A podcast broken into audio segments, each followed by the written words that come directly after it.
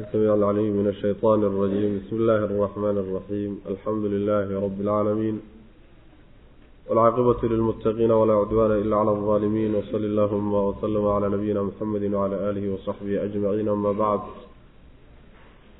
ويقول سبحانه وتعالى ولقد كرمنا بني آدم وحملناهم في البر والبحر ورزقناهم من الطيبات وفضلناهم على كثير ممن خلقنا تفضيلا yowma nadcuu kula unaasin biimaamihim faman uutiya kitaabahu biyamiinihi faulaa'ika yaqra'uuna kitaabahum walaa yudlamuuna fatiila waxaan ku soo dhex jirnay suuratu lisraa waxa uu darsigeennu caawa ka bilaabanayaa aayadda toddobaatanaad waxaa inoo dambeeyey aayadihii ilaahi subxaana wa tacala uu kaga hadlayay towxiidka ee lagu cambaareynayey nibankii mushrikiinta ahaa ee markay xaaladdu ku xumaatana ilaahay keliga caabudi jiray subxaana wa tacaala.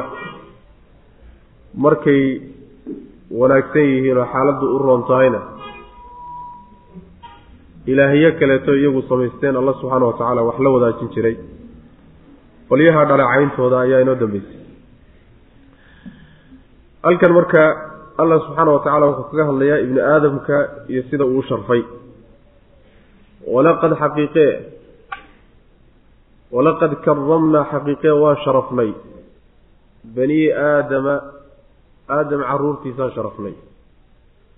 Wa xamalnaahum waanu xambaarnay fi lbari beriga dhexdiisa iyo walbaxri baddaba waan ku xambaarnay. Warasaqnaahum waanu irsaaqnay min alطayibaati waxyaalaha wan wanaagsanna waan ka irsaaqnay. Wafadalnaahum waan fadlay oo waan dheeray waan dheeraad siinay. Calaa katiirin in fara badan dushoodan ka dheeraad siinay oo miman cid ka mida khalaqnaa aan abuurnay tafdiilan dheeraad siin. Bani aadamka ayaanka ayaan sharafnay buu alla leeyahy subxana wa tacaala sharaftaas ama takriimkaas ay ayaddu tilmaamaysa waxay leeyihiin mufasiriinta salafku waa qaabka ilaahay u abuuray subxaana wa tacaala. Oo macnaha waxa weeye laba lugood buu ku socdaa waana taagan yahay labada gacmoodna waxbuu ku cunaa. Xayawaanaadku laakiin afar lugood bay leeyihiin afkana waxbay ku cunaan. Sidaasay leeyihiin mufasiriinta salafku. Oo waxay la macno tahay laqad khalaqna alinsaana fii axsani taqwiim toosin midda ugu fiican ayaanu insaanka ku abuuray buu alla leeyahy subxana wa tacaala macnaha taagnaantan iyo qaabkan ilaahay uu habeeyey ee lugihiisa iyo gacmihiisa iyo madaxiisa iyo jidhkiisa iyo loo qorsheeyey qaabkaas weeye takriimka la sheegayo oo ilaahay subxaana wa tacaala uu macnaha ku sharfay. Sharfidaasi marka waxyaalo fara badan bay leedahay iyo tafdiilka aayaddu tilmaamayso taasi waa ka mid. Waxaa kaloo ka mid a ilaahay subxaana wa tacaala taskhiirka uu sameeyo khalaa'iqda loo sakhiray. oo macnaha taskhiirkaasina wuxuu ku imaanayaa caqliga ilaahay siiye subxaana wa tacaala. oo una in badan oo makhluuqaadkiisa ka mid a uusan ilaahay siinin.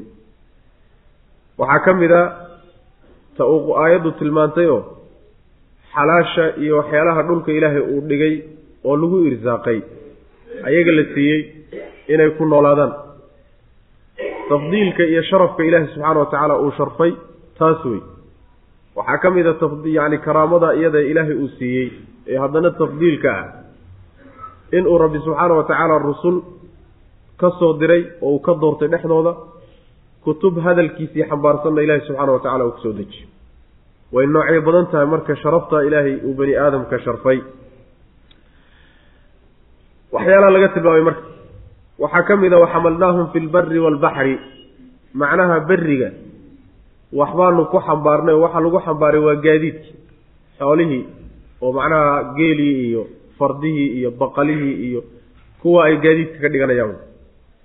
Baddana waa maraakiibta iyo doomaha wey hadday badda joogaan iyo hadday beriga joogaanba waxay fuulaan ooy danahooda ku gaadhaan ayaan u samaynay bu rabbiga subxana wa tacala oy gaadiid ka dhigtaan waa takriimka iyo sharafka la siiyey qeyb ka mida wey waxaa ka mid oo ayaddu ay tilmaantay warasaqnaahum min aayibaat waxyaalaha wan wanaagsanna waan ku irsaaqnay. Dayibaadku waa xalaasha wanaagsan wey xalaasha macaan ayaa dayibaadka laga wadaa wuxuu rabbi sheegay subxaana wa tacaala inuu ka fadilay in badan oo intuu abuuray ka mid ah calaa katiirin minman khalaqnaa tafdiila. Intuu abuuray in badan oo ka mid a ayaanu dheeraad ka siinay oo sad la dheer yihiin oyna la mid ahayn oy ka sarreeyaan buu alla subxaana wa tacala inoo tilmaamaya macna. Walaqad karamnaa xaqiiqe waa sharafnay. Bani aadam aadam caruurtiisa ayaa sharafnay. Wa xamalnaahum waanu xambaarnay. Oo gaadiid baanu siinay weye ay ay macnaha fuulaan oo ku xambaartaan waxa ay wataan. Fi lbari beriga iyo walbaxri baddaba bariga iyo badda dhexdoodaanu ku xambaarnayo wa calayha wa cala alfulki tuxmaluun wey. Yacni gaadiidka oo xoolihii ah iyo maraakiibta iyo doomaha intaba waa laydinku xambaaray. Warasaqnaahum waanu risaaqnay bu alle subxaana wa tacaala oo waan masruufnay min adayibaati waxyaalaha waan wanaagsan xaggoodan ka masruufnay. Wuxuu ku noolaan lahaana dayibaad baanu ka siinay. Wa fadalnaahum waanu dheeraad siinay calaa katiirin in badan baan ka dheeraad siinay oo minman cid ka mid a khalaqnaa aan abuurnay tafdiilan dheeraad siin yacni in badanoon abuurno makhluuqaadka ka midana sad baan la dheeraysiinay. Ama abuurkooda ha noqdo ama abuurka dhexdiisaba wuxuu ilaahay dhex dhigay ha noqdo oo caqliga iyo waxyaalahaas ama haba noqdoba ilaahay subxaana wa tacaala hidaayada iyo hanuunka iyo kutubta uu dooray. Waxyaalahaasoo macnaha wax weeye tafdiilka ka mid. Yowma nadcuu kulla unaasin biimaamihim faman uutiya kitaabahu biyamiinihi faulaa'ika yaqra'uuna kitaabahum walaa yudlamuuna fatiila udkur xus nebiyow oo dadka xusuusi yowma maalin nadcuu aanu u yeedhayno kulla unaasin dad oo dhan yacni kullu unaas yacni kullu insaan ruux walba aan u yeedhi doonno biimaamihim maca imaamihim ama biimaamihim kitaabkooda aan ugu yeedhi doonno imaamkooda aan ugu yeedhi doonno faman uutiya ruuxii la siiyo kitaabahu kitaabkiisa biyamiinihi midigtiisa laga siiyo fa ulaa'ika kuwaas yaqra'uuna way aqriyayaan kitaabahum kitaabkooday aqriyayaan. Walaa yudlamuuna lanana dulmin maayo fatiilan qadra fatiilin. Xuubka yar ee macnaha lafta timirta jeexeeda ku jiraa fatiilka la yidhahda meesha yaray ka dilaacsan tahay. Xuubka yarka ku jiraa fatiil la yidhahda waxaa laga wadaa waa masal oo waxaa tusaale loogu qaataa waxa marka la doonayo in aada qadarkiisa loo yareeyo ayaa fatiilka iyo qitmiirka iyo waxyaalahaasi loogu tusaale qaataa macnaha. Yacni in yarna la dulmin maayo. Intay dooni ba hale ekaatay wax yarna la dulmin maayo. Nebigo waxaad xusuusisaa oo dadka u sheegtaa baa la leeyahay maalinta qiyaamada. Maalintaasoo ruux walba loo yeedhi doono oo loogu yeedhi doono kitaabkiisa. Biimaamihim imaamka maxaa laga wadaa? Imaamka asalkiisa oo inagii soo marnay waxaa la yidhahda hogaamiyaha diiniga la yidhahda hogaamiye diimeed bal wax walbo la raaco. Imaam waa la dhahaa. Maxaa laga wadaa ayadan marka biimaamihim? Ruux walba waa loo yeedhi oo waxaa loogu yeedhi imaamkiisii mufasiriinta qaar ka mid a waxay leeyiin biimaamihim ay binebiyihim bay leeyihiin yacni ummaddu ruux walba waa loo yeedhi iyo ummad walba. Nebigoodii baa loogu yeedhi. Macnaha nebigoodii baa loo yeedhiyo. Nebigoodii markuu yimaadana waa la kala xugmin. Sidaa qaar baa qaba qaar waxay leeyihiin biimaamihim waxaa laga wadaa nin walba ciddii u raacsanaa baa loogu yeedhiyo raac la dhih waa ka xadiidka nebiga ku yimi salawatullahi wasalaamu calayh maxsharka marka la tago.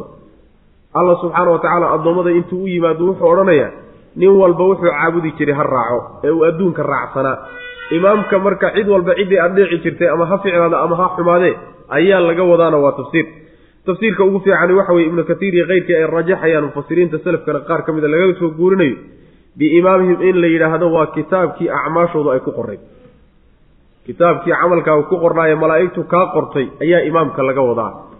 Sidaasi inuu tafsiirkaasi raajix yahayna waxaa kutusaya oo xoog badan yahay qariinada ka dambaysa oo ah faman uutiya kitaabahu biyamiinihi qariinadaasaa kutusaysa macnaha inuu yani tafsiirkaasi raajix yahay.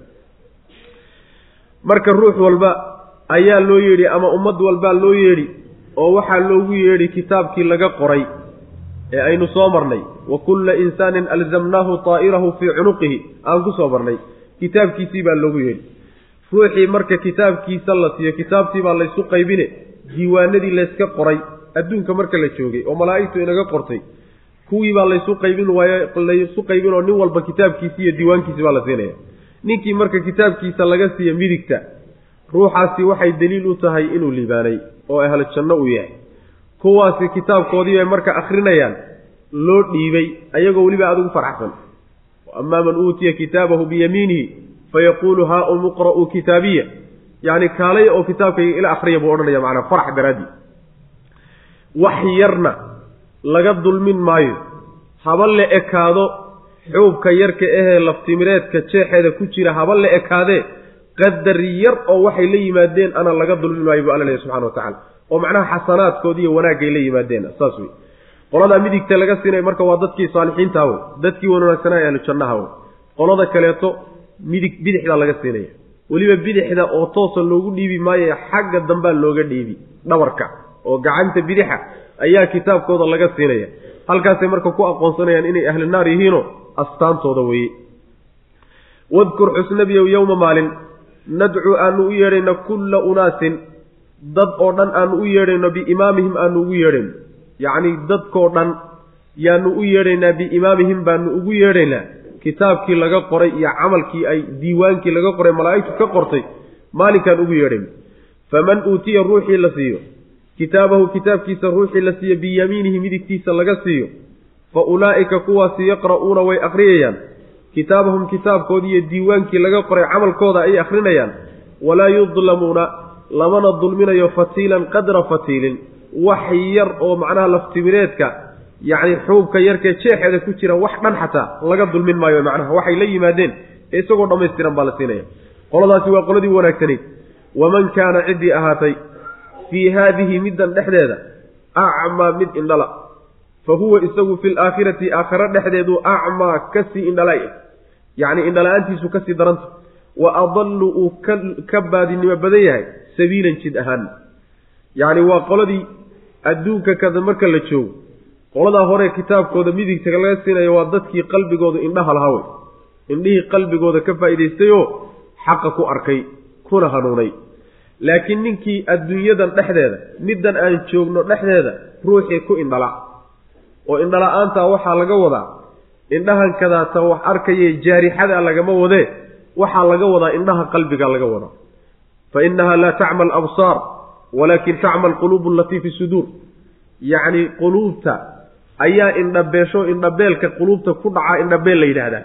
Laakiin indhabeelka ku yimaada indhaha caadiga ah kaasi indhabeelba ma ah. Marka indha indhala-aantan hadda aayaddu ay sheegayso ee adduunka lagu indhala-aanayo ee ay ka dhalanayso indhala-aanta aakharo waa indhala-aanta qalbigooda. Maxaa yeele qalbigu indhuu leeyahay iftiin buu leeyahayo xaqa uu ku aqoonsado ku garto. Ruuxii indhahaas aan lahayn oo iftiinka aan lahayn oo iimaan aan lahayn aakhare waxaa la keeni isaga oo yacni waxa weeyaan indhala-aantiisu ka daran tahay tii adduunka. Oo middaa dambe waxaa laga wadaa indhihii qumanaaya wax lagu arkahayay buu xataa la-ya tii qalbigana horuu u waayey tii kaleetana waa lagu darayo macnaha iyadana laga qaad. Isagoo indhala buu la keeni ta labaadna xagga lunsanaanta uu lunsan yahayna hadduu ka daran yahay aakhare markuu tago jid ahaan yacni jid ahaan wuu lunsan yahay oo lunsanaantii adduunka ta hadda uu lunsan yahay baaba ka daran macnaha. Oo macnaha jid janno loo aado marnaba kuma hanuunayo.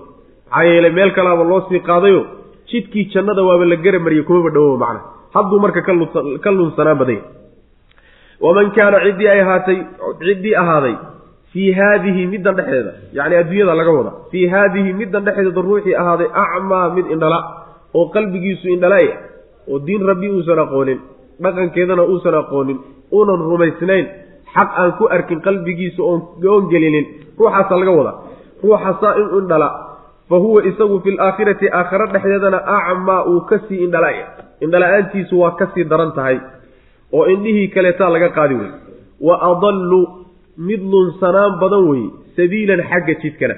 Xagga jidka la qaadee khayrka iyo wanaag iyo ridaha ilaahay loo qaadana aakharuu kaga lunsanaan badan oo uga fog yahay adduunka macna.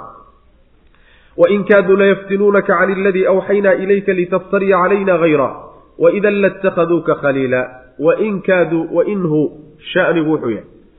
Kaaduu inay sigeen layaftinuunaka inay kaa fitneeyaan can iladii kii xaggiisa awxaynaa ilayka aanu ku waxyoona adiga. Litaftariya si aad u been abuurato calaynaa annaga dushannada hayrahu isaga mid aan ahayn. Wa idan markaa haddaad mid aan isaga ahayn nagu been abuurato idan markaa latakhaduuka waxay kaa dhiganayaan khaliilan saaxiib bay kaa dhiganayaan. Sidaasuu alla subxana wa tacala u macnaha waxay isku dayeen walowlaa an habbatnaaka dhe haddii aanaan ku sugi lahayn oo aanaan iimaanka iyo islaamnimada kugu sugi lahayn laqad kidta walle waxaad sigtay ood ku dhowaatay tarkanu inaad iilato ilayhim xaggooda shay-an wax shay-an wax qaliilan oo yar. Wax yar inaad u iilataad sigtay haddaanaan annagu gomadaada sugi lahaynoo aanaan xaqa kugu adkayn lahayn macna. Idan markaana haddii aad saa yeeli lahaydood u iilan lahayd la adaqnaaka waanu ku dhadhansiin lahayn. Dicfa alxayaat nolosha cadaabkeeda labanlaaban baan ku dhadhansiin lahayn wa dicfa almabaati geerida cadaabkeeda labanlaabanna waa ku dhadhansiin lahayn uma markaa kadibna laa tajidu maadan hesheen. Lakan adiga laka adiga nasiiran ku gargaara. Calaynaa dushannada kaaga gargaara. Cid nooga kaa hillisana markaa kadib maadan hesheen wey macna.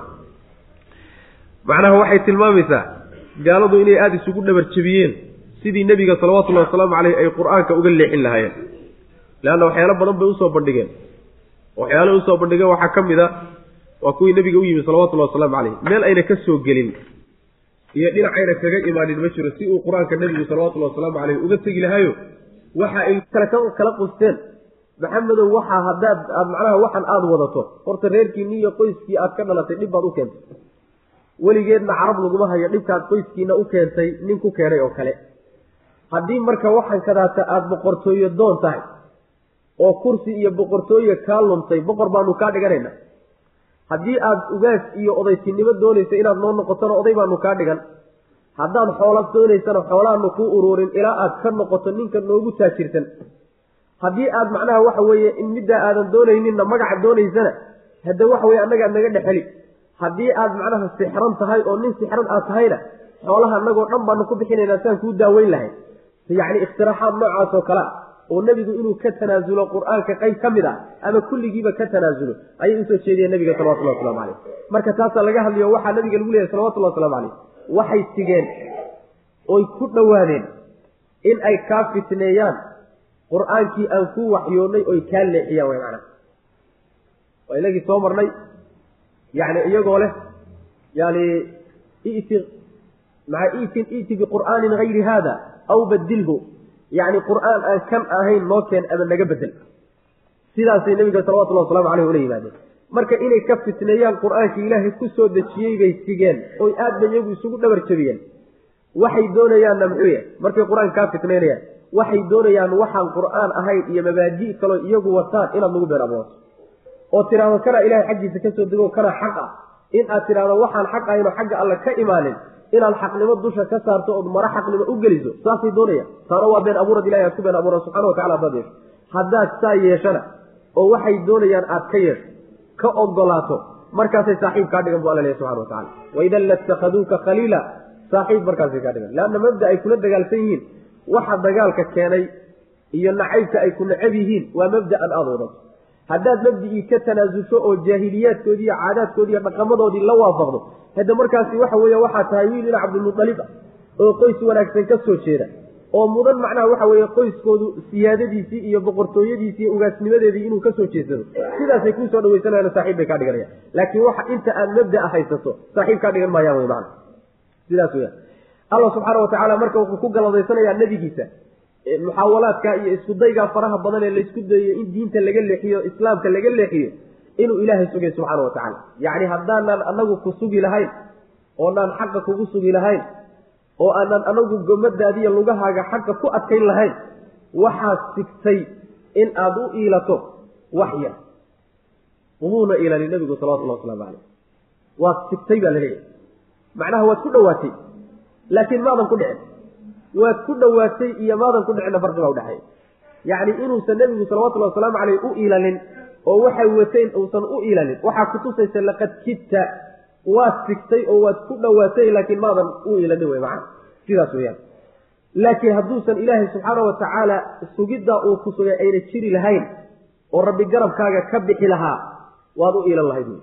Rabbi baase subxaana wa tacaala ku garab qabtayoo arrintaa kaa celiyey. Celintaa ilaahay uu ka celiyey baana keentay inaadan u ilalin laakiin waad sigtay oo arrinta waad macnaha waxa weye waad ku sigatay. Saasuu alla subxana wa tacala odhanay haddii aad marka yeeli lahayd ood u iilan lahayd oo mabaadi'dooda ay wataan wuxuun aad ka yeeli lahayd. Oo qur'aanka qayb ka mida ka tanaasul ilaahyadaada nala caabud mabaadi'da aan isku badhaxno oon isla wadaagno waxyaalaha ay soo jeedinayaan haddaad wuxuun ka yeeli lahayd.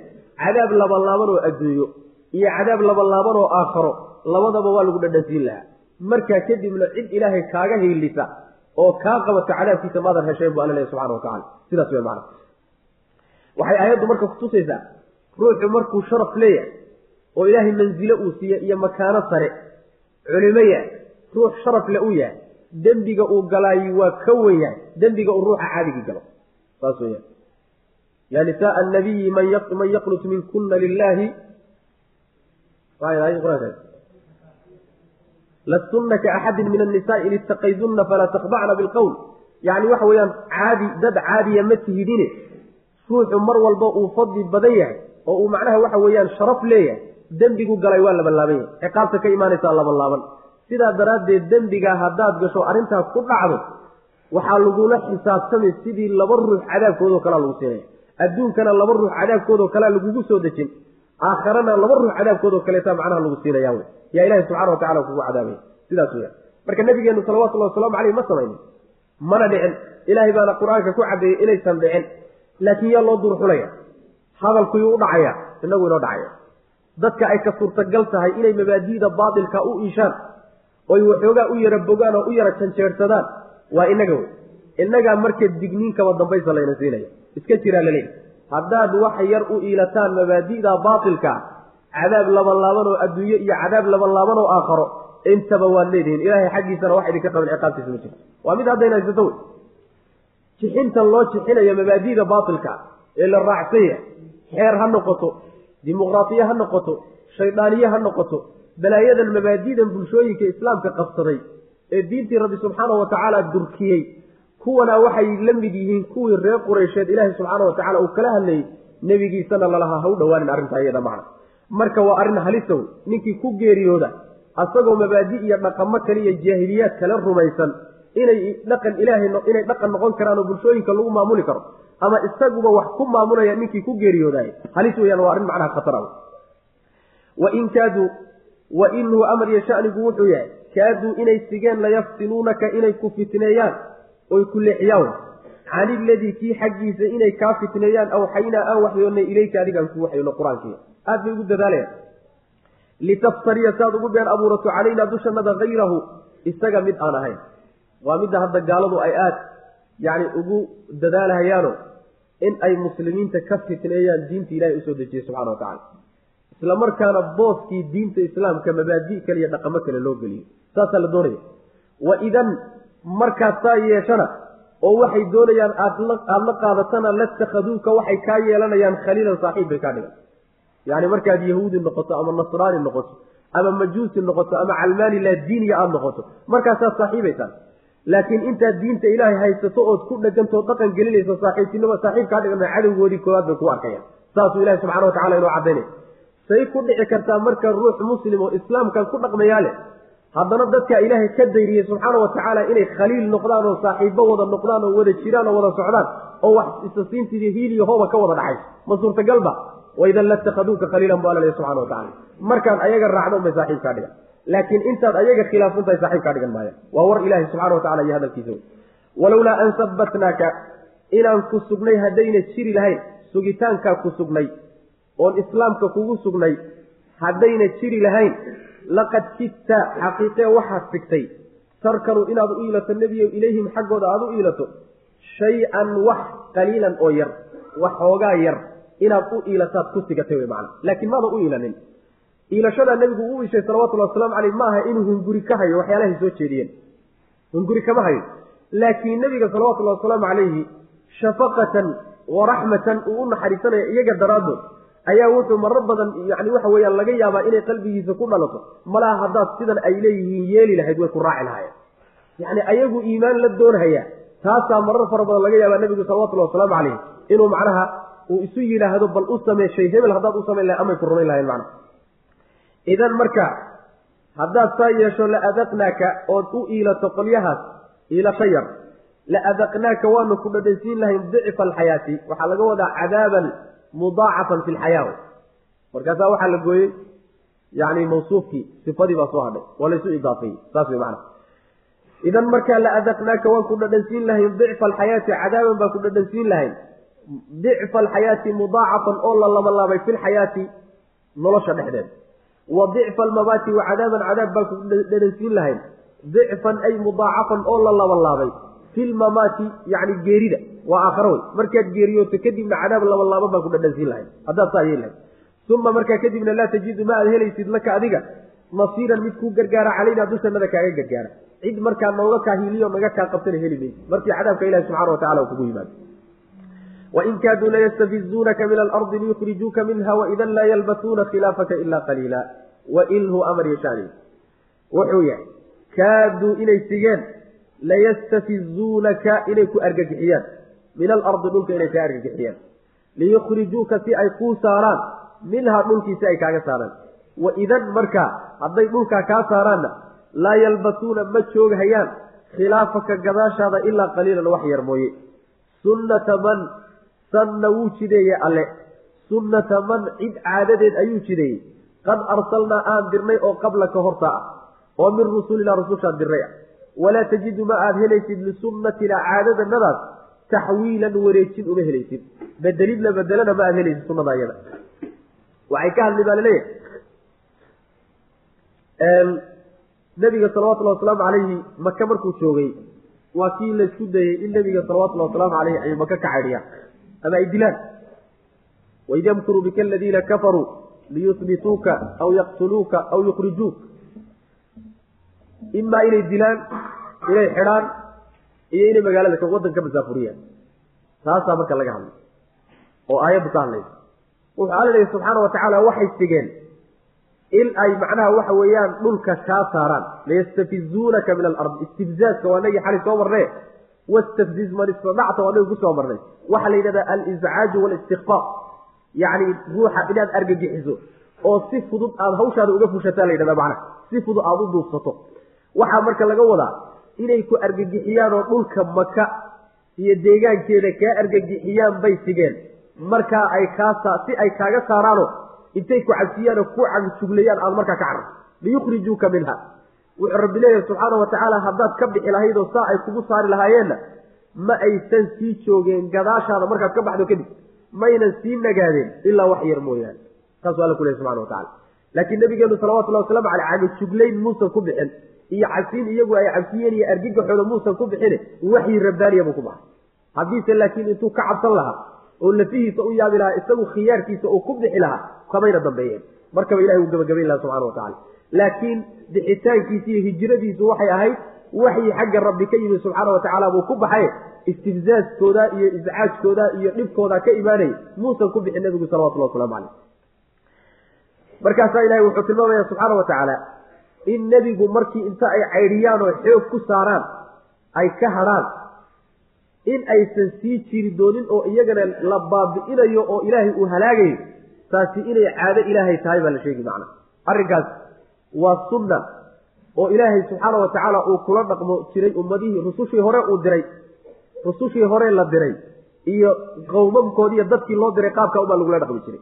Ummadii rasuul caydhisa oo rasuulkeeda ka bixisa meeshii ay deganaayeen oo sida uu kaga baxo ka dambayn maayaane waa la halaagiya waa la gabagabayn taasi caado ilahi wey subxana wa tacala caadadaa ilaahay iyo jidka isaga iyo dhaqanka noocaasana wax wareejiye ama bedele ma adeeleyso sidii ay maalintii nabiyullaahi nuux calayhi salaam ilaa nebiyadoo dhan la soo wada maro ilaa adiga lagaa soo gaadho maxameda salawatullahi wasalaamu caleyh caadada noocaasa iyo qaanuunka noocaasa ayaa ummadaha iyo rususha kale xugminaya macna.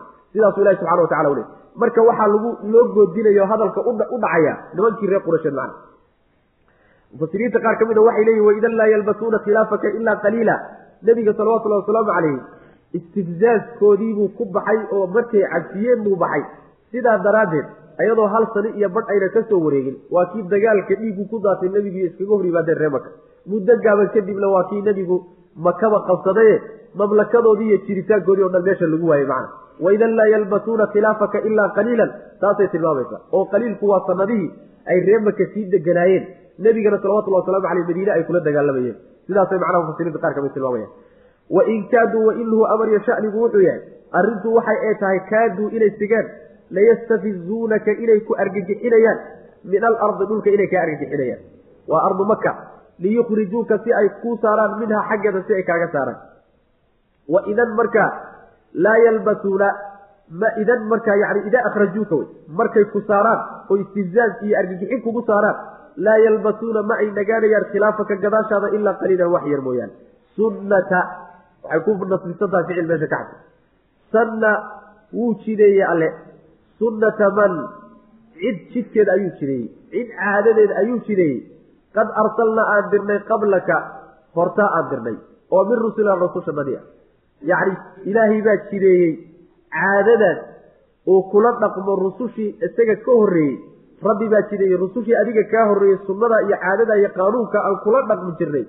Ayuu alla leeyahay annagaa jidaynay walaa tajidu ma aada helaysid lisunnatina caadadanadaas iyo jidkanaga sunnada asalkeeda jidkaa la yidhahda yacni waa jid macnawiyo waa caadada iyo qaanuunka ilaahay uu kula dhaqmo wey macnaha ama bulsho ama nebiyada ama wax saasoo kale uu kula dhaqmo wey walaa tajidu ma aada helaysid lisunnatina caadadanada iyo jidkanagaasi ma aada helaysid taxwiilan wareejin u helimayd wax bedela oo ka dhiga masalan waxa weeye qowmkii oo rasuulkoodii caydhiyey oo bixiyey haddana inay sii deganaadaan oo sii jiraan waa sunnada bedelkeedii wey wax dhacaya maa sunnadu saas wey marba hadday dhacdo rasuul in la caydhiyey qowmkaasi waa in halaa ku yimaado.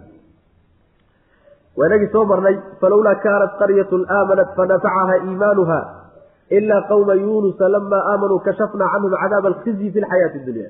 Markay rasuulkoodii yani waxa weye uu baxay oo uu macnaha waxa weye dhexdooda ka baxay cadaabkii rabbi subxaana watacala waa ku soo foodesho ku yimid macnaha. Markuu cadaabkii alla ku yimidna waa kuwa halista galay ee alla subxaana watacala kadib unaxariistay aqimi salaata liduluuki shamsi ilaa gasaqi leyli wa qur'aana alfajri ina qur'aana alfajri kaana mashhuuda aqimi salaata salaada toosi liduluuki shamsi liwaqti duluuki shamsi waqtiga ay qoraxdu iilato ilaa gasaqi leyli habeenka mugdigiisa laga gaadho wa qur'aana alfajri wa aqim waxaa toosisaa qur'aana alfajri salaada fajarna hagaajiyo toosi maxaa yeelay ina qur'aana alfajri fajriga salaadiisu kaana waxay ahaat kaana wuxuu ahaaday mashhuudan mid la xaadiroo la joogo. Wa min alleyli waxaa laga wadaa oo aayaddu tilmaamaysaa yacni xilliyada salaadaha ayay si kooban u tilmaantay. Waa salaada duhur iyo salaada casar iyo maqribka iyo cishaa intoodaa waxaa lagu sheegay aqimi salaata liduluuki shamsi ilaa gasaqi lleyl oo duluugga waxaa la yidhahdaa zawaalu shams. Qoraxdu markay samada kala badhkeeda ka iilato ayaa yaa duluugka la yidhaahdaa. Qoraxdu markay iilato oy samada dhexeeda ka iilato salaada toosiyo og oo salaadii tukawey ilaa laga gaadho habeenka mugdigiisa laga gaadho. Deeqa salaadood baa soo gelaya marka afar salaadood baa soo gelaya salaadii duhur oo ka dambaysay zawaalka iyo casarkii oo ka sii dambaysay iyo maqribka iyo cishaha oo ku jira labadooduba ilaa gasaqi leyli habeenka mugdigiisa labadooduba ku dhex jiraan kadib baa salaadii subax gooni loo sheego waxa la yidhi wa qur'aana alfajri. Qur'aanka macnaha waxaa laga wadaa salaada fajrka laga wadaa. Waxaa qur'aan looga cabiray waxaa la yidhahdaa tacbiiru ljuzi wa iraadat lkulli baa la yidhahdaa. Qayb baa la cabiray salaadii ka mid a salaadii baana loola jeeda sida meelo qur'aanka ka mid aba sujuudda loo cabiro iyadoo salaada laga wado oo macnaha rukuucda loo cabiro oo iyadoo laga wado salaadii laga wado. Macnaha qur'aanku waa juz ka mid a salaada arkaanteeda rukni ka mid a rukni baa la cabiray laakiin salaadii o dhan baa laga wada fajarka salaada la tukado ee qur'aanka lagu akriyo middaa iyada ana toosi wey macna oo hagaaji. Maxaa yeelay salaada fajarka la tukado waxay ahaatay mid la joogayo goobjoog baa la ahaanaya macna. Waxaa laga wadaa ina qur'aana alfajri kaana mashhuuda. Sida xadiidka nebigu salawatullahi wasalaamu caleyh uu nebigu ku fasiray waxa uu leeyahay tashhaduhu malaa'ikatu lleyli wa malaa'ikatu nahaar malaa'igtii habeenkii joogtay ee addoommada wax ka qoraysay iyo malaa'igtii maalintii idinla joogtay maalinimada wax idinka qoraysay labadooduba waxay isu imaanayaan salaada subax marka la tukanayo isu imaanayaan. Fajriga xilligaasay isu imaanayaanoo waa xilligay iskala bedelayaan iskala wareejinta wey sida xadiidka nabigeenu ku sheegay salawatullahi waslamu caleyh yatacaaqabuuna fiikum malaa'ikatun bileyli wa malaa'ikatun binnahaar. Yacni waxa wey maali malaaig habeenkii malaa'ig maalintiiya yaa isukiin dabamaraysa uma yajtamicuuna cinda salaati alcasri wa salaati alfajri waxay isu imaanayaan salaada subax iyo salaada fajri bay kulmayaan kulligoodu. meesha isugu wada imaanayaan. sidaasaa marka laga wadaa ina qur'aana alfajri kaana mashhuuda. goobjoog baa la yahay oo malaa'igtii oo dhan baa wada goobjooga. qoladii xagga rabbi ka timid ee maalintaa xilka la wareegi lahayd iyo qoladii riboodka habeenkii intay ururisay sii qaadi lahayd labada qola iskala bedelahayo meesha wada jooga. saasuu rabbi subxaana wa tacala marka cabirayaayo salaadaasi marka inay salaad weyn tahay ayaa macnaha laynoo tilmaamaya. Wa aqimi salaata salaada hagaaji oo toosi liduluuki shamsi qoraxda iilashadeeda u toosi macnaa liwaqti duluuki shamsi wey qoraxdu markay iilato toosi. Ilaa gasaqi leyli habeenka mugdigiisa inta laga gaadhayo. Wa qur'aana alfajri qur'aanka macnaha waxa weeye fajriga la akriyo waxaa laga wadaa salaada fajriye isagana toosi. Wa aqim toosi qur'aana alfajri fajriga qur'aankiisa iyo salaadiisa la tuko waa salaada subaxe iyadana toosi.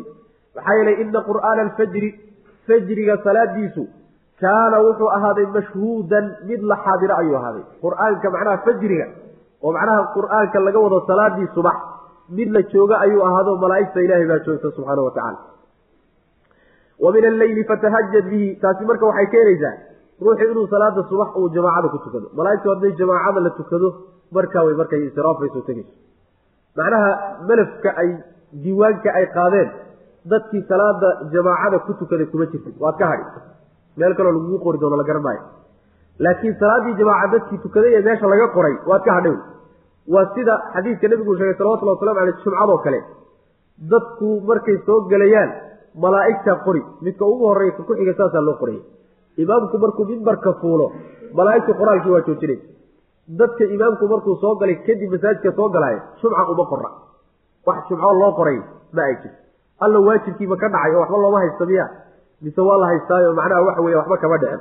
Taasi waa meel kale. Laakiin waxa weeyaan jumco looma qorin oo dadkii jumcada tukaday kuma jiraan macnaha diiwaankiisii. Taasoo kale macnaha la mid. Wa min alleyli habeenka qaarkii waa aqimne toosi. Oo macnaha hagaaji salaadii. Min alleyli habeenka qaarkii oo fatahajad oo fatahajad soo jeed. Bihi qur'aankii ku soo jeed. Naafilatan xaal uu dheeraan laka adiga kuu yahay. Casaa waxaa xaqiiqa an yabcasaka inuu ku soo saarayo rabbuka rabbiga maqaaman daa maqaamin meel la istaaga xaalaad u saaxiib tahay maxmuudan oo la mahadiyey yacni istaagid mahadsan oo la mahadiyey adigoo u saaxiiba buu alla ku soo saaray subxana wa tacala wa min alleyli fatahajad bi waxaa laga wadaa habeenka salaada la tukado oo aan salaadihii waajibka ahayn. Salaadihii waajibka ila aayadda horaa sheegtee tanna waa salaadaha sunnada habeenka la tukada wey oo waa salaadaha xagga fadliga ku xiga ku waajibka. Nabigeena waxaa la weydiiyey salawatullhi wasalaamu caleyh ayu salaati afdal bacda almaktuuba? Salaadaha la tukada ee sunnadaa kuwee ugu fadli badan salaadaha waajibkaa kadib markaasaa nebigu wuxuu yihi salawatullahi waslamu aleyh salaatu lleyl habeenkii salaada la tukaday buu nebigu yihi salawatullah waslamu caleyh macnaha waxa weye cishaha kadib wixii salaada la tukado ayaa salaatuleylka la yidhahdaa. Marka nebiga salawatullahi wasalaamu caleyh waxaa la leeyay wa min alleyli. Habeenka qaarkii istaag oo salaada toosi oo macnaha waxa weeye ku soo jeed qur'aanka fatahajad bihi bisalaaw salaadii ku soo jeedo tahajudka asalkiisa waxaa la yidhahdaa hajada hajuudan baa la yidhahdaa. Waxay ka mid tahay kelimaadka carabige laba macno iska soo horjeeda labadaba loo adeegsado. Hajada baa la yidhahdaa idaa naama. Wa hajada idaa qaama min hurdada hadduu ka istaagana wahajada waa la yidhahdaa. Hadduu seexdana hajada waa la yidhahdaa. Waxaa laga wadaa halkan hurdada ka kaco hurdada intaad ka istaagto markaad seexatay kadib salaad isu taago salaad tuka baa laga wadaa macna fatahajad bihi qur'aankii iyo salaadii ku soo jeed u istaago hurdada ka kac. Sidaasa alla leeyahy iyadoo salaada aad tukanaysay ee tahajudkii ay dheeraad ku tahay. Maxaa laga wadaa? Naafilatan laka. Mufasiriinta qaar ka mid a waxay leeyihiin nebigay waajib ku ahayd salaatuleylku oo waxaa laga wadaa waajibnimada intaa salaadihii kale la soo sheegay. Waajibnimadoodu adig waa way idinka dhaxaysaa adigiyo ummadaba laakiin tahajudka iyo salaatuleylka salaada la yidhaahdo waajibnimadeedu aday gooni kugu tahay. Naafilatan laka oo culimada qaar ka mid ah saa qabo nabigeena salawatullahi wasalaamu caleyh salaatuleylku markii hore waajib bay ku ahayd. Gadaal dambaa waajibkeedii laga fududeeyey bay leeyihiin macna qaar waxay leeyihiin mufasiriinta ka mid a naafilatan laka. Dheeraad xaal ay ku tahay. Oo sunno ay tahay oo waajibkii ay dheeraad ka tahay. Ilaa naafilada waxaa la yidhahdaa shayga ziyaadada ah. Xaggay ziyaado ka tahay marka? Salaadihii waajibkaabay ziyaado ka tahay oo waa waajib dheeraad oo shala oo macnaha lixaad oo adiga lagugu waajibinayo. Iyo in la yidhaahdo naafilatan laka. Siyaaday kuu tahay oo salaadihii waajibkaabay siyaado ka tahay waa salaad sunno ah oo tahajudku sunnu kuu noqonaya. Iyo in la yidhahdo naafilatan laka waxa ay ziyaado u tahay.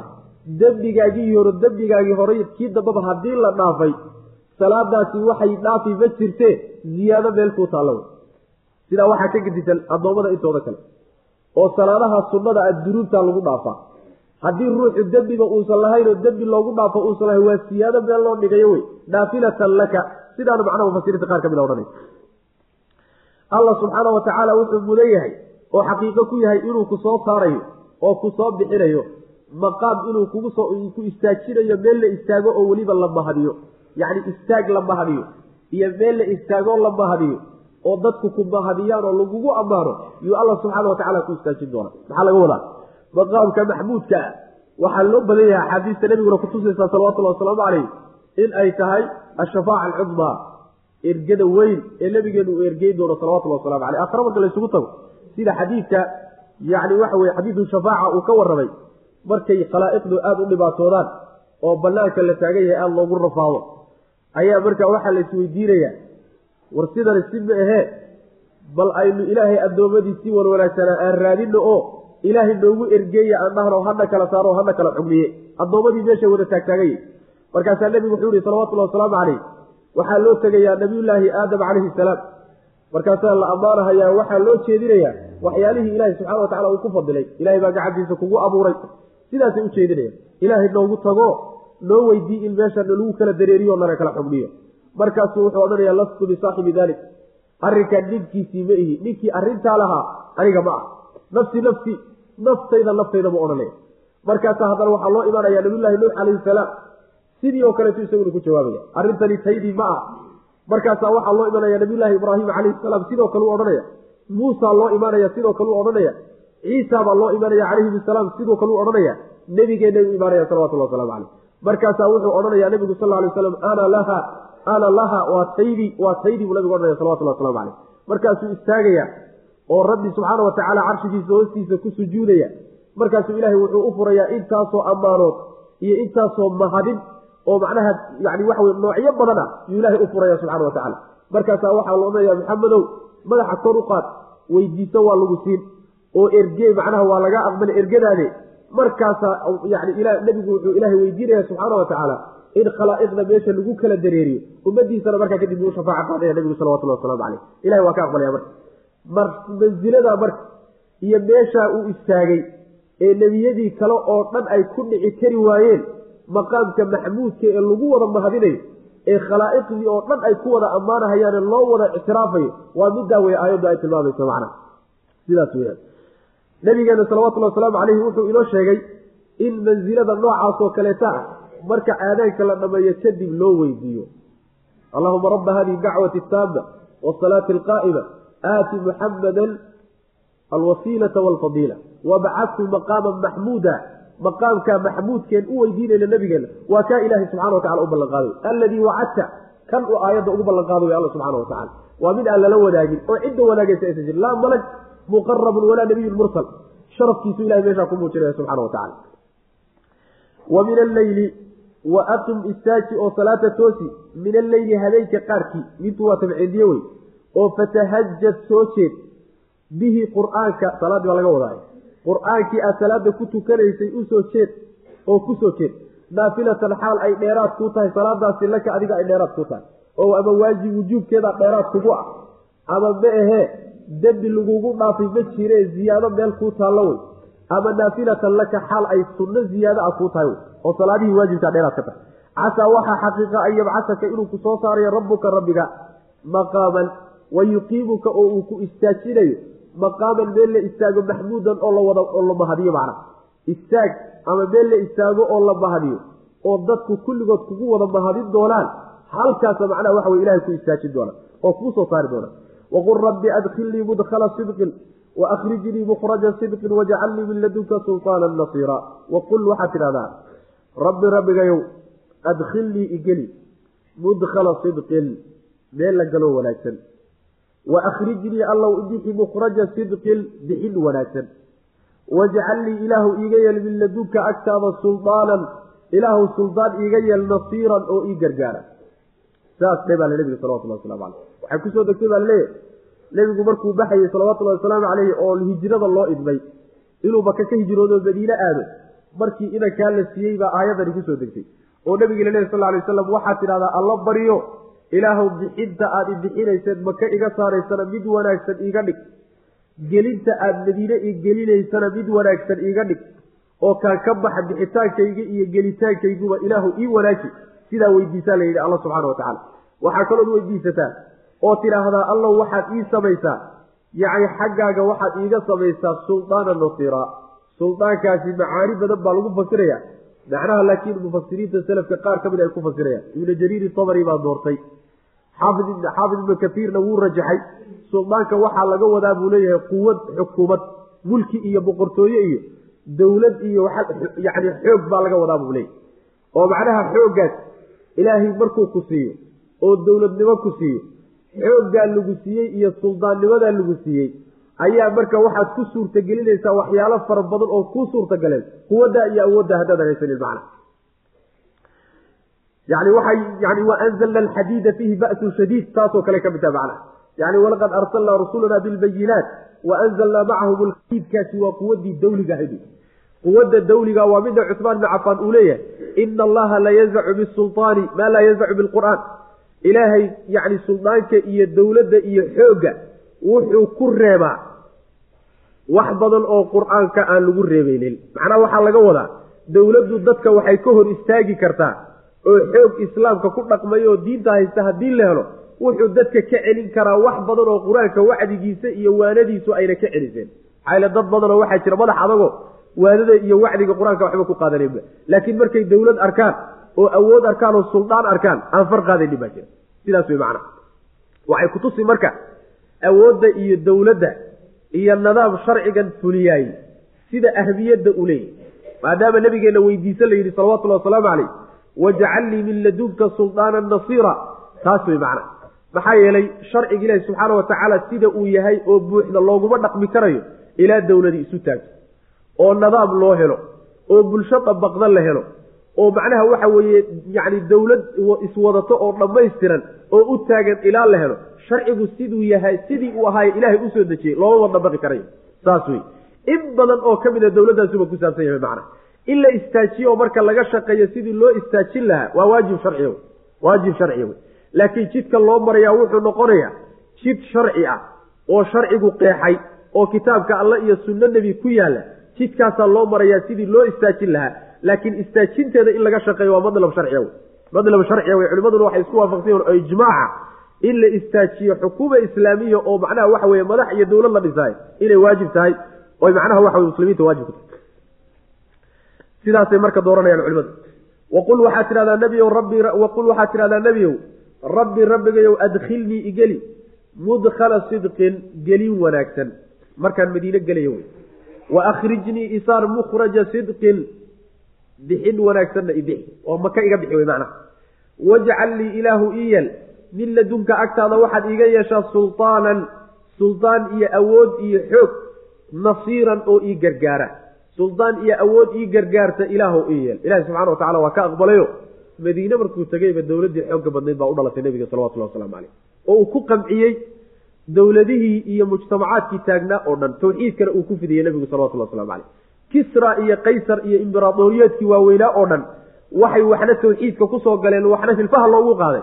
Waa suldaanka ilahi subxaana watacaala nabigiisa uu siiye weye waqul waxaad tidhahdaa nebiyow jaaa alxaqu xaqii waa yimid wazahaqa waa baaba-ay albaailu baailkiina waa baaba-ay.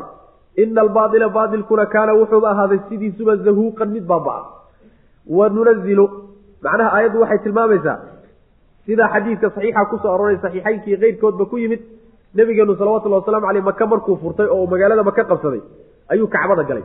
Markaasaa wuxuu ugu tegey saddex boqol iyo lixdan sanam oo kacbada ku wareegsa markaasaa nebigu salawatullahi wasalaamu caleyh wuxuu bilaabay yacni qori yaroo uu haystay intuu uurta iyo caloosha saa ugaga durduro asnaamtii inuu aayaddan akriyo waqul jaaa alxaqu wazahaqa albailu ina albaila kana zahuuqa. Aayaddaasuu nabigu akriyay salawatullahi waslamu caleyh. Waqul jaaa alxaqu xaqii waqul waxaad tidhahdaa nebiyow jaaa waxaa yimid alxaqu xaqii baa yimid waa islaamnimadow.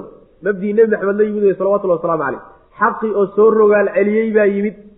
Wazahaqa waa baaba-ay baailkiina waa tegey. Zahuuqa waxaa la yidhahdaa yani addihaab walidmixlaal baa la yidhahda shaygu markuu tago oo baaba-o ayaa zahaqa la yidhahda wa zahaqa waxaa tegey oo baaba-ay albailu baailkiibaa tegey ina albaaila baailkii kaana wuxuu ahday sidiisaba zahuuqan mid baaba-a oo taga ayuu ahday xaq iyo baailka haddii laysu daayo oo dowladnimadan iyo xoogankaata baailka lagu garab taagan yahay laga daayo oo la yidhahdo wakaase lagataba saacad daqiiqada taagnaan maayo baailku caadadiisaba ma aha inuu daqiiqo taagnaado macna sidaas weyaan ilaahay subxaana wa tacaala yani aayado kale waa ku tilmaamaya inuu xaqa soo dejinayo madaxa uu kaga bashaaqayo baailka baailka madaxa lagaga bashaaqi fayadmaquhu faida huwa bail faida huwa zaahir. Markaasuu baaba-ayaayo macnaha waxa weyaan uu macnaha tirmayaa. Sidaas weyaan waa in la suga marka. Xaqaas in la faafiyo oo dadka loo sheego diinta la fidiyo. Baatilku isagaaba dantiisa isaga baabiya saasa la doonaya macna. Waqul waxaa tidhahdaa nabiyow jaaa alxaqu xaqii ayaa yimid. Wazahaqa albailu ina albaila kaana zahuuqa. Wanunazilu waanu soo dejin. Min alqur'aani qur'aanka xaggiisa waxaanu ka soo dejinaynaa maa shay huwa isaguba shifaaun daawo ah waraxmatun naxariis ah. Lilmu'miniina mu'miniinta ayuu naxariis iyo daawo u yahay. Walaa yaziidu u kordhin maayo aldaalimiina aalimiinta ilaa khasaaran khasaara mayo wax kale u kordhin maayo. Qur'aanku waa daawo oo wuxuu daawo u yahay. Yacni oo naxariis u yahay dadka mu'miniinta. Daawada la tilmaamayahay laba macnoba waa laga wadaa macno weeyaane wa shifaaun lima fi suduur. Laabta waxa ku jiru daawo yahay. Oo laabta waxa ku jira maxay tahay? Waa jahliga iyo gaalnimada iyo nifaaqa iyo xasadka iyo dulmiga amraadda iyo cudurrada ku dhaca qalbiga oo dhan buu daawo ka yahay qur'aanku waxaa kaloo isagana daawo uu ka yahay waana midda hadda la tilmaamayo. Waxaa kaloo iyadana daawo uu ka yahay cudurrada caadigaana daawo uu ka yahay. Cudurada caadigaana qur'aanka waa laysku daaweeyaa oo nabigeennay ka sugan tahay salawatullahi wasalaamu caleyh in qur'aanka dadka lagu tufo saxaabadiisuna waa ku tuftay oo nabigu waa sugay salawatullahi wasalaamu caleyh sidaas weyaan marka shifaau wa shifaaun waraxmatun lilmu'miniina mu'miniinta ayuu naxariis u yahay oo uu caafimaad u yahay. Way ku caafimaadayaanoo daawo u yahay wey. Daalimiintaase khasaaro may wax kale ka faaidaysan maayaan. Khasaarahay ka faaidaysanayaan waxa weeye ayagu markay qur'aanka dhegaystaan oo lagu dul akriyo hanuun ka kororsan maayaane gaalnimo iyo qooq iyo kibir bay ka siyaadsanayaan khasaarahoodii baa sii kordhay marka. Fogaanshahay ilaahay ka fogaanayeen baa sii kordhay wahadiya alkhasaara. Khasaarada la sheegayana middaa iyadaa wey macna. Wanunazilu waanu soo dejini min alqur'aani qur'aanka xaggiisa waxaanu ka soo dejin. Maa shay huwa isaguba shifaaun daawo ah waraxmatu naxariisa lilmu'miniina mu'miniinta ayuu naxariis iyo daawo u yahay. Walaa yaziidu u kordhin maayo aldaalimiina aalimiinta ilaa khasaaran. Khasaaro may wax kale u kordhin macnaa baadi way ku sii fogaan markay ku gaaloobaan intay maqlaan ay ku gaaloobaan baadidii horey lunsanaayeen iyo kufrigiibay kufri kale ku sii kororsanayaan khasaaruu middaa wey macna waidaa ancamna cala alinsaani acrada wana'aa bijaanibihi waidaa masahu sharu kaana ya-uusa. Halkana dabeecada ibni aadamka kiisa xun ayaa meesha laga tilmaamay waidaa ancamnaa markaanu nicmayno cala alinsaani insaanka dushiisa haddaan u nimcayno acrada wuu jeesan. Wana'aa wuxuu fogeynayaa bijaanibihi dhinaciisana wuu fogeysan waidaa masahu markuu taabto asharu dhib hadduu taabtana kaana wuxuu ahaanayaa ya-uusan mid quusasho badan. Qul waxaad tidhahdaa nebiow kullun mid walba oo idinkii annaga ka mid a yacmalu yacmalu wuu camal fali calaa shaakilati dhankiisaasuu isaga camal fali. Fa rabbukum rabbigiin baa aclamu og biman cidda huwa isagu ahdaa hanuun badan sabiilan xagga jidkeed cidda hanuunsan allaa oge nin walba jidkiisa ha haysto dhankiisaasna uu haysta haddana ha isaga camal fasho. Macnaha waxa weeye aayaddaa waxay la macno tahay ayado badan oo soo marnay oo ibni aadamka insaanka sidiisaba markuu ilaahay u barwaaqeeyo oo caafimaad la siiyo oo xoolo la siiyo oo hanti la siiyo oo nabadgelyo la siiyo oo wuxuu u baahnaa la siiyo. Markaasuu qooqi allihiisii waxan kadaata siiyey buu markaasi ku qooqiyo isku taagi. Wuu jeedsan oo ilaahay diintiisi iyo xaqiibuu ka jeedsan dhinaciisana wuu fogeyn. Wana-a bijaanibihi waxaa laga wadaa. Dhankiisuu fogeysanoo yani yani jeesigii uu ka jeedsaday unbaa la sii ta'kiidinaya. Dhabarkuu u dawaayaa oo dhinaciisii iyo dhabarkiisiiba wuu la fogaaniyo. Jeesii basa ku gaabsan maayo waaba tegaya macna. Ilaahay subxaana watacaala xaqiisii iyo baryadiisii iyo diintiisii ayuu ka jeesanaya. Haddii uu shar yar taabtana wuuba quusan. Oo wuxuu ka quusani naxariis dambe inuu heli doono ayuu ka quusan. Saas wey macana yacni sina kuma roono wey haddii loo barwaaqeeyana kuma roona. Haddii la dhimo waxoogaa la yaro taabsiiyana kuma roona. Laba gooroba cabaadkiisa loo joogi laba gooroba xadgudubkiisa iyo dhibkiisa loo joogi maayo. Marka saasaa macnaha waxa wey ibni aadamka ilahi noogu tilmaamay subxana wa tacala ka noocaasa marka waxa weye waa ka gaalka ah. Mu'minka ma ah muslimiinta saa laguma yaqaano. Maxaa yeelay yani waxa weye ilahi subxaana wa tacala waa ka meelo kale ku tilmaamay qaarna waa soo marnay qaarna waa utegi doonaa haddii ala yidhahdo ina alinsaana khuliqa haluucan ida masahu sharu jazuucan waida masahu alkhayru manuucan ila almusaliin dadka muminiinta ayagoo laga soo reebay tilmaamaha dad kale ayagu saas ma ah tilmaantay kuwaasi leeyihiin waxa weye hadduu shar iyo dhibaato ku yimaadana way sabrayaan markaasay ajri ka helayaan haddii uu macnaha barwaaqi iyo wanaag ay helaanna ilaahay bay u mahad celinayaan markaasay ajri ka helayaan labadaba way ku khilaafsan yihiin gaaladii siduu nabigeenu sheegay salawatullahi waslamu caleyh cajaban liamri lmu'min ina amrahu kullahu khayr in asaabathu saraa shakara fakana khayran lah wain asaabathu daraa sabra fakana khayran lah saasuu kaga gedisay ruuxa muslimka waa ka gedisay waxaa badan marka dad muslimiin oo badanoo dhaqanka laakiin qaatay oo iimaankoodu iska daciif yahay gaalada marka dhaqankoodiiyo kale laho markay dhibaata ku habsatana cabaadkiisa aan lala joogin waxoogaa marka la siiyana kibirkiisa aan lala joogin macna waxaa tidhahdaa baa laleeyaha nebiyow mid walba oo idinkii annaga naga mida yani shaakiladiisa haysaga camal falo. Yacmal wuu camal fali calaa shaakilati haysaga camal fala laga wadaa waa khabar bimacnaa amra haysaga camal falo shaakilada waxaa la yidhahdaa aljaanib baa la yidhahdaa. Dhankiisaas uu hadda haysto iyo dhaqanka iyo jidkaa hadda uu haysto haiska haysto haiska wato. Mid walboo idinkii annaga naga mida. Rabbigiin baa og cidda hanuunsan jid ahaan. Inaan annaga nahayo inaan idinka nahay allaa og. Iyaguna waa ogyihiin nabiga salawatulli waslamu aleyh waxa la ibhaam baa la yidhahda ibhaam ibhaamka waxa weeye ayagaa la jahwareerinaya oo waxoogaa loo yara muujinayaa inayba yacni soo garab istaagi karaan nebiga salawatullhi waslamu aleyh saxaabadiisa oo hidaaye iyo hanuun wax ka haystaan. Waxay looga dhigayaa in lagaba shakisan yahayba hanuunka ma yagaa hanuunsan mise qolyahana hanuunsan si ay isu moodaan inay hanuunsan yihiin oo u sii lumaan. Marka waxa weye waa ibhaam ayagaa wax laga qarine kama qarsoona nebiga salawatullahi wasalaamu calayhi iska badaa inay alla ka qarsoonaatee subxaana wa tacala ayb waidaa ancamnaa haddaan u nimcayna cala linsaani dadka dushiisa haddaan u nimcayno insaanka dushiisa acrada wuu jeesan oo ilaahay baryadiisii iyo yani diintiisiibuu ka jeesaniya addoon inuu noqdo wanaa wuu fogeyni bijaanibihi dhankiisana wuu fogeysan oo macnaha waxa wuu durki waay waidaa masahu hadduu taabto asharu shar hadduu taabtana waa dhibke kaana wuxuu ahaaday ya-uusan mid quusasho badan buu ahaaday qul waxaad tidhahdaa nebiyow kullun mid walba oo annagii idinka ka midi yacmalu wuu camal fali calaa shaakilatihi dhankiisaas iyo jidkiisaas iyo diintiisaas iskaga camal faliyo dhaqankiisa. Fa rabbukum rabbigiin baa aclamu og biman cidda kuwa isaguba ahdaa hanuun badan sabiilan xagga jid. Xagga jid ahaan qolada hanuunsan ilaahay baa og annagiyo idinka ka yihiine tiinna iska haysata annadaanu haysana wey macna. Waa markii laga quustay.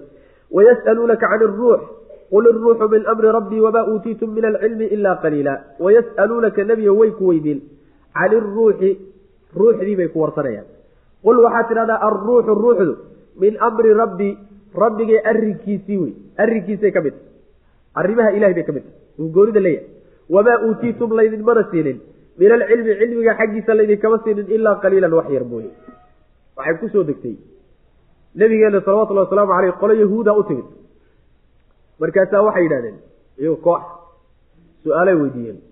Su'aalahay weydiiyeen baa waxaa ka mid a waxaad nooga warrantaa haddaan nebi ilaahay tahay ruux maxaa la yidhahda bal ruuxda loo sheeg ruuxda waxa la yhahda waa nafta ibni aadam ku jirta wey nafta ibni aadam ku jirta wey intaynan ibni aadamka la gelinin ayaa ruux la dhahaa bay leeyihi ibni aadamka markay gashana naf baa la yidhahda nafsu saasay culimada qaarkood u kala qaadaya xoogaa ra'yigaana ibnu katiir waa u yara bogey culimada qaar ka mid a ay sheegeen. Marka ruuxday ku warsanayaano bal nooga waraan sirtan ibni aadamka ku dhex jirta. Ee cajiibka ah ee dhaqdhaqaaqiisa keenaysa iyo kasbigiisa iyo waxaan keenaysa. Bal ruuxdan taata wax nooga tilmaano sirtan macluumaad naga si saasay ku weydiinayaan. Su'aasha hadday ku weydiiyeen waxaad ugu jawaabtaa ruuxdu waa amar ilaahi waa jawaab gaabow waa amar ilaahi macnaha waa arrimaha ilaahay uu goonida la yahay. Addoommadiisu inay waxba ka ogeyn saas way macana waxyaalaha cilmigeeda ilahay uu la gooni noqday ayay ka mid tahay. Oo macnaha aniguna ma ogi haddaan rasuul ah cid kalena ma oge rabbigii subxaana wa tacaala ruuxdan abuuray unbaa waxay tahay og iyo kulligeeda iyo xaqiiqadeeda. Anigu waxaan ka garanaya ma jirta wey. Saa u sheeg baa nabiga lu leh salawatullah waslamu caleyh sideedabana haddaad ibni aadam tihiin cilmiga laydinkama siinin ilaa wax yar mooye. Wamaa uutiitu min alcilmi ilaa qaliila. Markay saa ku yidhahdeen baa waxay yidhahdeen markuu nebigu saa ku yidhi yaa waxay yidhahdeen oo kitaabkii tawreed ahaa oo waxaan lagu sheegin aysan jirin baaban haysanaaye wamaa uutiitu min alcilmi ilaa qaliila maxay markaasaa waxaa lagu yidhi yacni ilaahay subxaana wa tacala wuxuu soo dejiyey aayadda uu odhanaysa qul low kaana albaxru midaadan likalimaati rabbii lanafida albaxru qabla an tanfada kalimaatu rabbii walow ji'naa bimilihi madada. Haddii badaha iyo in kaloo lagu daray laga dhigo khad geedaha oo dhanna qalimaan laga dhigo sida aayadda kale tilmaamayso oo ilaahay kelimaadkiisa qoraal lagu bilaabaayey badaha iyo qalimadu kulligood way dhammaanayaan. Kelimaadka ilahay waxba laga gaadhay subxana wa tacala cilmiga ilaahay marka waxaad gaadhi kartaan ma wax yaroo ilaahay idinka furay unbaad ka ogtihiin. Waxba kama oginin. Nabiyullaahi muusa calayhi salaam fii suurati lkahfi haddii ilahayna gaadhsiiya inoogu imaan suuratu lkahfi markii qisada khadir iyo nabiyullaahi muusa markay wada socdeen oo doonta wada saaraayeen ayagoo wada socdaa shimbir baa wuxuu soo fuulay. Doontay saaraayeen buu qarar ka soo fuulay. Markaasuu badda wuxuu geliyey minqaarkiisa yacni afkuu badda gashaday. Waxoogaa biyo yar buu macnaha ka soo qaatay markaasaa khadir wuxuu yidhi muusow cilmigayga iyo cilmigaaga haddii laysku daro cilmigii ilaahayna la garab dhigo ma dhanna cilmigaagiiyo cilmigaygu inta uu ka soo qaaday shimbirkaasi badweyntaa ka soo qaaday. Ma dhanna. Wax walba haddii laysu geeyo cilmiga khalaa'iqdo dhan laysu geeyo. Marka waxba laydinma barine waxyaalo badan baa idinka qarsoone u hogaansama oo rabbi subxaana wa tacaala u daaya waxyaalo fara badan. Waxba kama war waxba ma ogdina macna. Sidaas weya waxaa marka khalada sida uu leeyahay shawkani iyo mufasiriinta qaar badan oo ka mid a kutub badan oo laga alifay ruuxda rag badan baa dabaashay oo ku dhex dhacay oo ruuxda inay sifeeyaan oo wax ka sheegaan oo isku dayey qolyaha noocaasoo kaleeta wuxuu ilaahay soo afjaray bay doonayaan inay furaan. Rabbi baaba soo afjaro yidhi yacni qul iruuxu min amri rabbi intaasaa lagaga baxay. Maxaa kaloo laga sii doonaya? Wax la fahmi kara maaha. Waa sir xataa adduunka hadda ku wareersanya gaaladu wax kastoy gaadheen teknolojiye walboy gaadheen. Waa garan la-yihi wax ibni aadamka ku jira yahay wax la garan kara maaha. Weligood hadday joogaan xataa ma garan karaan. Ambiyadii ilahi baa loo sheegay subxana wa tacala saas weya wayas'aluunaka nebiga way ku weydiina can iruuxi ruuxdii iyo naftii bay ku weydiinayaan. Arrinteediiyo xaqiiqadeeday ku warsanayaan. Qul waxaa tidhahdaa alruuxu ruuxdu min amri rabbii rabbigay arrimaha uu goonida abay ka mid tahay. Arrimaha ilaahay ee u goonida ee cid kale aynan la ogeyne cilmigiisa ku khaaska ah ayay ka mid tahay macna wamaa uutiitum laydinma siinin min alcilmi cilmiga xaggiisana ilaa qaliilan wax yar mooye wax yar unbaaba cilmi sidiinaba laydinka baray walain shi'naa lanadhabana biladii awxaynaa ilayka uma laa tajidu laka bihi calayna wakiila walain shi'na tanna waxay tilmaamay gallada ilahay nabigiisa uu galay salawatullahi wasalaamu caleyh oo ah inuu qur'aanka siiyey ha siiyey haddana inuu u daayo usan ka qaadin isagoo ka qaadi kara walain shi'naa haddii aan doonno nebiyow lanadhabanna waanu la tegi biladii kii baanu la tegi awxaynaa aanu ku waxyoonnay ilayka adiga. Haddaanu doonno kaan ku waxyoonnay waabanu qaadan. Uma markaa kadibna laa tajidu ma aad helaysid? Laka adiga bihi qur'aanka dartii wakiilan mid yani waxa weeyaan wakiil kuu noqda calaynaa dushanada. Cid naga kaa qabata oo nooga kaa gargaarta oo qur'aanka nooga naga soo celisa ma aad helaysid? Haddaanu doonno wey. Ilaa raxmatan ilaa raxmatan ilaa laakiinse raxmatan naxariis daraaddeed. Oo ilaa laakiinse maa shinaa maanaan dooni wey. Ilaanu qur'aanka kaa qaadno raxmatan naxariis daraaddeed oo min rabbika xagga rabbiga ka ahaad ina fadlahu maxaa yeele ilaahay dheeraadsiinta uu ku dheeraad siiyey kaana wuxuu ahaaday kabiiran mid weyn caleyka dushaada. Macnaa waxa weeye qur'aanka haddii aanu doonno waanu kaa qaadan lahayn haddaanu kaa qaadanona cid naga kaa celiso nooga soo naga soo qaada oo kugu soo celisa ma aada helaysid haddaan doonno wey. Laakiin maanaan doonino qur'aanka inaanu kuu dayno ayaa go'aan rabbi iyo doonitaankiisa naxariis daraaddeed xagga rabbigaa ka ahaatay baa qur'aanka lagugu dayn. Maxaa yeele fadliga ilaahay iyo dheeraadka uu addoommada kaa dheeraad siiyey iyo ziyaadada uu ku siiyey waa mid aada iyo aada dushaada ugu weyn. Saasuu ilahi subxana wa tacala waa qur'aanka la siiyey ee weliba loo daayey ee haddana ilahay uusan ka qaadin subxana wa tacala. Saas wey waxa uu mascuud leeyahay aakhiru zamaanka marka la gaadho qur'aanka dabayl baa imaanoo kutubtao dhanna way wada masaxdi quluubta dadkana waa laga wada saari. Saasuu ibnu mascuud odhanaya wallahu aclam marka nabigeena salawatullhi waslamu aleyh saasaa lagu leeyahy shardiga shayga lagu xidhay sidiisaba inuu dhaca shardi ma aha. Yacni shardi waxaa looga dhigay qur'aanka in laga qaado doonid ilahi subxana wa tacala doonid ilaahayna ma dhicino waata ilaa raxmatan baa lagu cadeeyey ilaahay inuusan doonin inuu qur'aanka nabiga ka qaado salawatullah waslamu caleyh wala in shinaa haddii aan dooni lahay nebiyow inaanu qur'aanka kaa qaada lanadhabanna waan la tegi lahayn biladii kii baan la tegi lahayn awxaynaa ilayka adiga aan ku waxyoonnay oo waanu kaa qaadan lahay. Uma markaa kadibna laa tajidu maadan hesheen laka adiga wakiilan mid kuu gargaara calaynaa dushannada bihi kaas yani waxa weye qur'aankaa lagaa qaaday kuugu gargaaro kuu soo celiya maadan hesheen dushannadana kaaga gargaara. Ilaa raxmatan ilaa an yarxamaka inuu ku naxariisto mooyaane rabbuka ilaa an yarxamaka inuu ku naxariisto rabbi mooyaane raxmatan oo min rabbika ilaadaasa marna waxaa laga dhigi karaa munqaic marna muttasil laga dhigi karaa. Tii hore aan iska marno.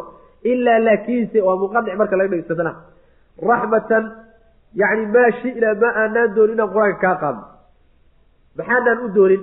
Raxmatan naxariis daraaddeed baanaan u doonin oo min rabbika xagga rabbiga ka ahay. Maanaan doonin inaan qur'aanka kaa qaadno. Naxariistaan ku naxariisanayna daraaddeed. Ina fadlahu maxaa yeelay dheeraadka ilaahay kaana wuxuu ahaaday kabiiran mid weyn caleyka dushaada. Fadliga ilahay uu ku siiyeyna dushaada aada buu ugu wen yahay fadli weyn baa lagu siiyey. Maxaa yeelay qur'aanka ilahay ku soo dejiyey subxaana wa tacala fadli ka weyn ma jiro. Ee uu ilaahay sababkiisa kaga dhigay afdalu khalqihi. Khalqiga ilahay ka ugu fadli badan buu ka dhigay. Ugu horreeya ayb qul lain ijtamacat ilinsu waljinu cala an ya'tuu bimili hada alqur'aani laa ya'tuuna bimilihi walow kaana bacduhum libacdin dahiira qul waxaa tidhahdaa nebiyow lain ijtamacat haddii ay kulmaan alinsu insigii iyo waljinu jinnigii hadday isu tagaan calaa an ya'tuu inay la yimaadaanna ay isugu tagaan. Bimili hada alqur'aani qur'aankanoo kale inay la yimaadaan hadday isu uruursadaan laa ya'tuuna lama imaan karaan bimili isagoo kale. Walow kaana haba ahaado bacduhum qaarkood dahiiran mid u kaalmeeya libacdin qaarka kale. Macnaa waxa weeye qur'aanka mucjizinimadiisa laynoo tilmaamay marar badanna waa looloo soo tilmaamay. Waa tii taxadiga ilahi ku samey subxana wa tacala car lagu yidhi car waxaad la kaalaydaan. Nimankiina sheegaya qur'aanka inuu maxamed la yimidow waxaad la kaalaydaan suurad qur'aanka ka mid a toban yani waxa weya aayadood waa tii ka horreysay. Toban suuradood baa dhila. Kadib alla wuxuu caddeeyey subxaana wa tacala oo halkan ku sheegaya qur'aanka inaysan la imaan karin insi iyo jinni kulligood hadday isu tagaan qur'aankan oo kale la imaan karaan xataa ha isu kaalmeeyeen ha isku gacan siiyeen ha iskaalmaysteen oo ha isgarab qabteen midba waxa soo alifo oo ha soo ururiyo. Caqliga ha isku biiriyeen fasaaxadooda ha isu geeyeen hadday si kasta isu kaalmaystaan qur'aankan oo kale ma keeni karaan. Saasuu ilahi leey subxana wa tacala inay xaq tahayna waxaa kutusay meeqa qarni baa laga joogaa. Waxaa laga joogaa kun iyo afar boqol oo qarni iyo ka badan. Markuu qur'aanka degay. Haddana maca daalika carab iyo cajabba taxadigaasi waa u taagnaayo car waa taagnay wax isku taagoo la yimaadana waa lalayahay ilaa yawmina haada wuxuu kutusayaa marka inuu ka baxsan yahay awood bani aadam. Awood bani aadam hadduu ahaan lahaa cid unbaa awoodi lahayd. Laakiin awood ibni aadam inuu ka baxsan yahay bay macnaha tilmaamaysa icjaaskaasi jawaanib badan buu leeyahay oo qur'aanka dhinacyaha aan lagula imaan karin waxaa ka mid a qaabka uu taxaye qaabka isu haysto ama alfaaddiisa ama kelimaadkiisa ama jumlooyinkiisu hadalku si u taxaye u xidhiidhsan yahay. Hadal noocaas oo kale lama imaan karo ibni aadam. Khalqi lama imaan karo icjaaska waxaa ka mid a fasaaxada iyo balaaqada uu qur'aanku leeyahay iyo kelimaadka siduu mid walba boos ay ku habboon tahay ugu adeegsaday. Isma odhanaysid allow kelimada yaa meesha ka yara bedela mid walba booskay ku habbooneyd ayuu dhigay. Maxaa yele rabbi xakiimaa soo dejiyey. Icjaaskiisa waxaa ka mid a warar aan taariikhda meel kaloo qortay aysan jirin oo aada moodo markay dhacayeen in la qoray ayuu qur'aanku sheegay. Ummadihii hore inaga horreeyey. Yaa kaloo ka warrami kara cid kaloo ka warran ma jirto. Icjaaskiisa waxaa ka mid a waxyaalo badan oo mustaqbal ah oo imaan doonuu ka warramo qaarna sidii uu sheegay u dhaceen qaarna ay soo socdaan oo sidii uu sheegay udhici doonaan. Ma ibni aadam baa saasoo kale wax u sheegi kara uma sheegi karo. Icjaaskiisa waxaa ka mid a axkaamta uu dejiyey iyo dhaqanka uu dejiyey cadaaladda siduu ugu salaysan yahay iyo siduu ugu habboon yahay in lagu dhaqmo dhaqan kaloo soo garab istaagi kara ama ku dhawaan kara ma jiro. Intaasoo qarni isagoo laga joogo axkaamtiisa waxba lagama bedelin. Dibu habayn laguma samaynin. Qaanuun lagama bedelin. Kelime lagama bedelin. Sidaa isagoo ah qaanuunyadan maantana la dejinayo berritana dib u habaynta lagu samaynayo la kabkabahayo oo kaleeta ma ahee wuxuu haystaa inuu ilaa qiyaami saaca saalix u yahay in lagu dhaqmo nolosha ibni aadamkuna isaga waxaan hanu maamuli kara inaysan jirin waxii kaleo dhan laga soo daal. Nin walbo meel derbi ku dhuftayba derbiga soo taabayo sharci ilaahay soo dejiyey ee sharcigiisa samaawiga ah waxaan ahaynoo ibni aadamka maamuli kara ma jiro. Sidaas weyaan qaanuunka noocaasoo kaleeta ana ibni aadam ma dejin karo. Daliil waxaa kuugu ah dowladaha adduunka ugu waaweyn khubaradooda intay ururiyaan oo dasduur dejiyaan ayay maalmo kadibna ayagii isu keenayaan oo odhanayaan waxbaa isbedelaya bal dib ha loogu laabto. Dibu fiirin baa lagu samey qaanuunkii waabaka waaba lagu ciyaarhayaaba kitaabka ilahi subxaana wa tacaala waa yacni salaaxiyadiisa awoodda uu uleeyahay inuu sii jiro ayay kutusaysaa macnaha waxaa ka mid a nolosha ibni aadamka juz-iyo ka mid iyo gobol ka mid oo ka hoos baxaysa ma jiro bal kitaabka inta la eg iyo axaadiista nabiga salawatullahi wasalaamu caleyhi oo sharxaysa intaa in la eg oo ka hoos baxaysa nolosha ibni aadamka ma jiro waxaad u baahataba waad ugu tegi. Baynamaa qawaaniinka dowladuhu ay dejistaan marka yani waxa weeyaan aada u tagto oo nolosha macnaha waxa weyaan lagu dhabaqa la yidhahdo wax badan baa laga waayey oo wax badan baa u baahan sharci cusub in loo dejiyo. Maalin walba waa la fadhiyaayo sharci cusub baa la dejinaya maxaa yeelay waxaa soo kordhay qaanuun cusub. Arrin cusub aan adduunka ka jirin baa soo kordhay. Waxbaa loo dejinaya. Sidaas wey nolosha ibni aadamka wax ka baxsan oo kitaabkan ku yani ka maqani ma ay jirta haba yaraate macna. Jawaanibtaas iyo jawaanib kaleetoo fara badan baa icjaaskiisa kutusayso aynan ula imaan karin isagoo kaleeto macna. Qul waxaad tidhahdaa nebi o lain ijtamacat haddii ay urur haddii ay ururto al-insu insiga iyo waljinnu jinnigu hadday ururaan calaa an ya'tuu inay la yimaadaan hadday isugu ururaan bimili hada alqur'aani qur'aankan oo kale inay la yimaadaan laa ya'tuuna lamay imaanayaan bimilihi isagoo kale walow kaana haba ahaado bacduhum qaarkood libacdin qaarka kale dahiiran mid u kaalmeeye maxaa yeele hadal binu aadam iyo hadal khaaliq iyo hadal makhluuq isuma ekaadaan isku meelna ma galaan wey macnaha walaqad sarafnaa xaqiiqe waan rogrognay linnaasi dadkii baan u rogrognay fii hada alqur'aani qur'aankan dhexdiisa min kulli masalin tusaalo walbaan u rogrognay fa abaa way diideen aktaru nnaasi dadka intiisa badan ilaa kufuuran gaalnimo mooye wax kale waa diideen. Yacni waxa weeye qur'aanka tusaalayaasha lagu rogrogayo dadka sidii wax loo tusi lahaa oo xaqa loo fahansiin lahaa oo xujajka loogu cadayn lahaa yaa kolba weji loo rogay. Kolba dhinac baa loogu bal dhankana ka daya tarkiib bal cabsiinta arag. Bal waxaad aragtaa macnaha waxa weeye rajogelinta arag. Bal goodiga arag. Bal wacdiga iyo ballanqaadka arag bal nawaahi manhiyaadka iyo waxyaalaha la reebaya arag. Bal masaalixda ka ratimaysa la cadaynaysa arag. Kolba dhinac baa lagaaga imaano weji baa wax lagaa tusi. Haddaad garan weydana ku kala lagaa tusi. Haddaad ku garan weydana ku kala lagaa tusi. Saas way macnaha tasriifka.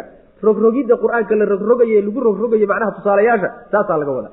Saa iyadoo loogu dadaalay ayaa haddana dadka intiisa badan gaalnimo mooye wax kale waa diiday rogrogitaankii loo rogrogayey waxba kumayna qaadanin wey macnaha.